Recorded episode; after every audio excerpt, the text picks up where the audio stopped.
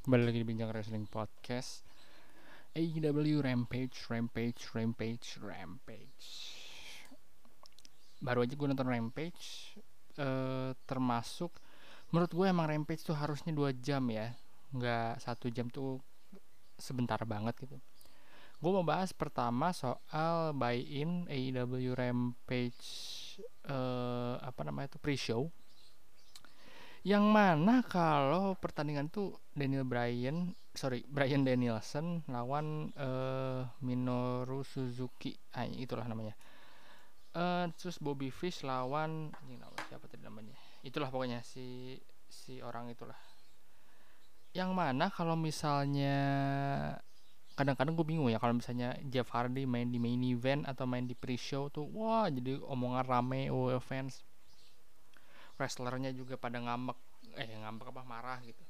Gue dulu inget banget zaman si Park siapa namanya di oh, itu lupa uh, Neville lawan Austin Aries di WrestleMania terus dia walk di pre-show WrestleMania sorry terus dia walk out gitu kan. Karena dia merasa tidak tidak ya dia merasa tidak bukan tempatnya lah di pre-show tuh. Sementara sekarang dia mainnya di Rampage terus terus di Dark kan si Neville gitu tapi kenapa kenapa kalau main di AEW lebih lebih santai gitu? Nggak kayak Brian Daniel apa Brian Danielson gitu. Nggak uh, jadi marah-marah gitu. Anjir gue ditaruh di pre-show lah udah mah pre-show pre-show uh, second show lagi. Jadi uh, AEW ada first show-nya Dynamite second show-nya Rampage. Nah dia tuh di pre-show-nya uh, di pre-show-nya second second show-nya itu bukan di pre-show di big stage gitu. Ya kalau WrestleMania kan pre-show-nya pre-show big event ya. Wah. Nah.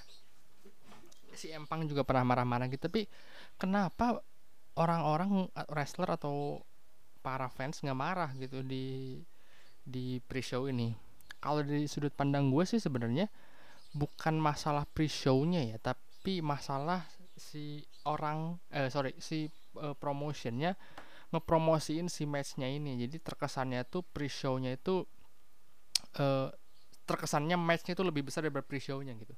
Sementara kalau misalnya di WWE kejadian itu sering pre-show-nya itu jadi ya udahlah match tambahan. Jadi orang tuh nggak nggak begitu excited ngeliat pre-show-nya. Dan matchnya sendiri ya udah kayak match um, apa ya underdog aja gitu match match undercard sorry. Match match undercard aja. Jadi yang ya udahlah ini karena ini yang talent atau yang uh, terlupakan gitu. Nah gue tadi kayak ngelihat di buy in matchnya bagus banget Daniel Bryan apa Bryan lawan Suzuki. Terus uh, yang kedua mereka setelah itu mereka ngepromoin pertandingan si Empang lawan Matt Sydal gitu.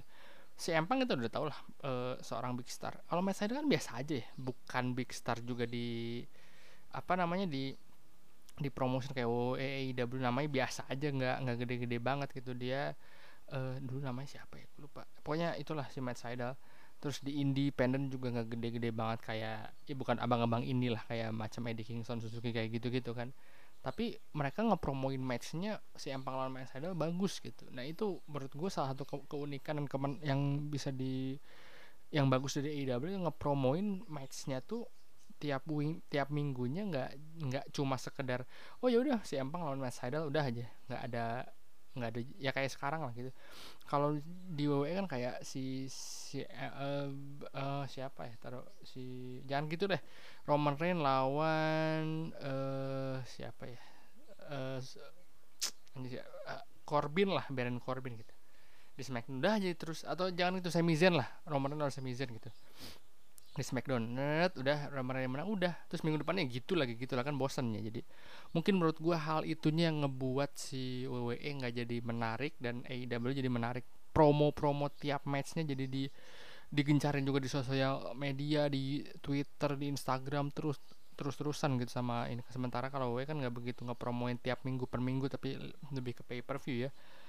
Terus di si ini gue note-nya itu sebenarnya si Rampage itu dari segi buy-in-nya juga udah jadi kan mereka sebenarnya kayak dalam tanda kutip dua jam ya satu jam pertama itu buy-in pre-show-nya satu jam ke ke berikutnya tuh yang di TV itu ada si siapa namanya si openingnya si Empang lawan Matt Sydal uh, gue sih sebenarnya kalau lihat match si Empang ya uh, kelihatan banget dia udah tujuh tahun belum udah tujuh tahun rehatnya dan gue belum ngelihat pertandingan si Empang yang bener-bener bagus gitu.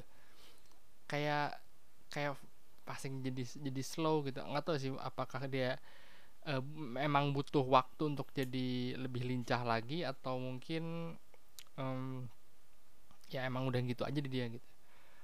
Yang kedua uh, tadi gue baca tweet dan emang iya sih pertan si Empak tuh kan sering banget di opening rampage ya dari dari mulai dia debut di AEW sampai sekarang tuh dia tuh ada empat pertandingan satu pertandingan di pay per view tiga pertandingan lain di rampage. Jadi kan bosen ya. Uh, mungkin emang si rampage digunain buat uh, menarik attractionnya tuh di menit awal karena itu kan bukan jam yang seksi ya itu jam udah jam 10 malam jadi udah udah terlalu malam jadi mereka kurang ya maksudnya naruh naruh attractionnya di situlah buat penonton pada pada pada masuk gitu. Makanya mereka naruh big star. Nah kenapa big starnya tuh nggak kayak zaman dulu yang atau nggak diacak lah ada Kenny Omega Daniel Bryan atau nggak gue nggak tahu nih TNT atau TBS dealnya sama IW buat si empang eksklusif pertandingan gue nggak tahu di belakangnya tapi yang jelas emang udah mulai bosen sih. Kan bisa opening matchnya bisa Adam Cole misalnya gitu atau uh, Jungle Boy ada Derby Allen banyak kan di AEW tapi maksudnya opening match terus si Empang si Empang gue nggak tahu ini emang apa dealnya uh, eh, AEW di belakang atau gimana gitu. Terus yang kedua pertandingan main eventnya itu A, uh, American Top Team ATT lawan The Inner Circle. Chris Jericho, Jake Hager sama si Sammy Guevara gitu. Pertandingannya cukup oke. Okay. yang jadi gua note adalah uh, mantan top fighter top uh, fighter fighter MMA ini gue nggak ngomongin soal si Jack Hager aja kan Jack Hager uh, gedenya di pro wrestling dulu gitu. itu Junior Dos Santos pas take a bump take a bump tuh apa ya jatuh ya karena di wrestling kan di dilatih ya dari lu jatuh dari lu gulat segala macam nah, pas jatuhnya tuh kurang enak banget dan emang gue ngeliat kalau mantan fighter yang bener-bener awal dari fighter kayak Ronda Rousey dan si Junior Dos Santos emang move-move-nya emang sedikit dalam tanda kutip bahaya ya. Bahaya tuh bisa menyederakan dirinya sendiri atau nyederain orang uh, lawannya gitu.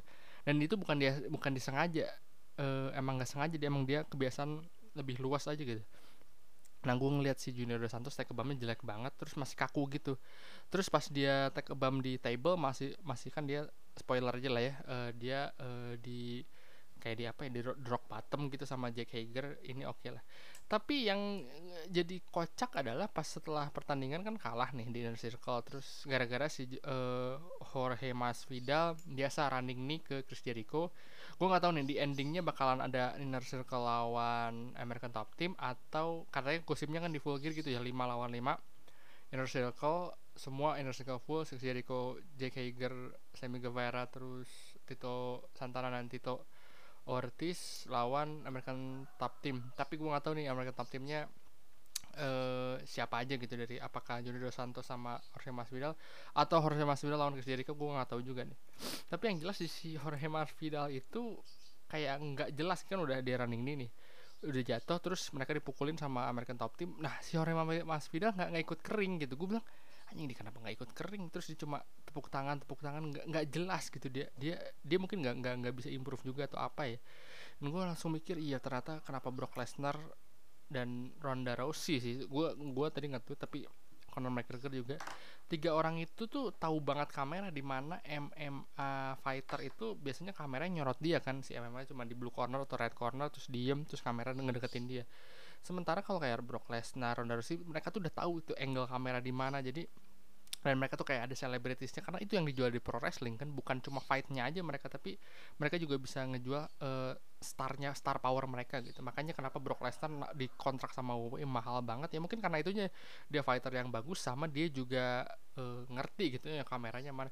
Lu lihat deh Brock Lesnar di mana pun dia dia tuh kayak menurut gue ya kayak Suplex City Beach itu waktu WrestleMania menurut gue gue dia tahu banget kameranya tuh lagi ada di mana gitu. Jadi makanya uh, terus dia ngomong gitu dan uh, dia tahu gitu oh kameranya terus dia ngadep kamera kan meskipun kam bukan hard kamera tapi dia dia ngerti gitu oh di sini kameranya Suplex City Beach ke, atau pas bilang ke Roman Reigns. Maksudnya hal-hal kayak hal-hal kayak gitu tuh yang nggak dipunyai sama uh, fighter-fighter lain gitu. Dan menurut gue kalau misalnya Conor McGregor ke IW atau WWE ya menurut gue sih harusnya ke IW dia kalau kalah lagi next fight berikutnya bakalan ini banget sih si bakalan selling banget. Dan menurut gue si Conor McGregor bakal lebih tahu gitu hard kameranya. Nggak tahu juga sih tapi gue rasa si Conor McGregor ya dia kayak gue ngeliat kayak dia tahu banget cara cara dia ngomong cara dia selling tiket oh udah kebayang banget. Persis kayak Brock Lesnar. Brock Lesnar pendiam-pendiam gitu juga gue gue rasa dia jago banget karena dia emang basic pro wrestling kan udah udah udah udah ada pro wrestlingnya. Makanya dia pas sama DC dan Cormier waktu di UFC dia bisa promonya bagus lah. Nah makanya gue gue rasa Junior Dos Santos sama Jorge Masvidal kalau misalnya emang mereka mau ke wrestling ring sih menurut gue harus belajar itu kalau fight sih ya dikit-dikit bisa lah uh, transisi dari dari apa namanya? Dari ini aduh apa dari MMA ke wrestling tapi kalau dari segi yang lainnya harus banyak belajar sih dari blocking kayak gitu tuh penting soal di ros uh, di wrestling ini gitu. Kalau misalnya lu emang ini ya coba-coba dulu lah main sinetron mungkin sinetronnya bareng sama Mas Al sama Ikatan Cinta ya si kebayang gak sih Ikatan Cinta anjing Junior Dos Santos. Jadi uh, pacar barunya dari si atau ngelawan sama Mas Al anjir lucu banget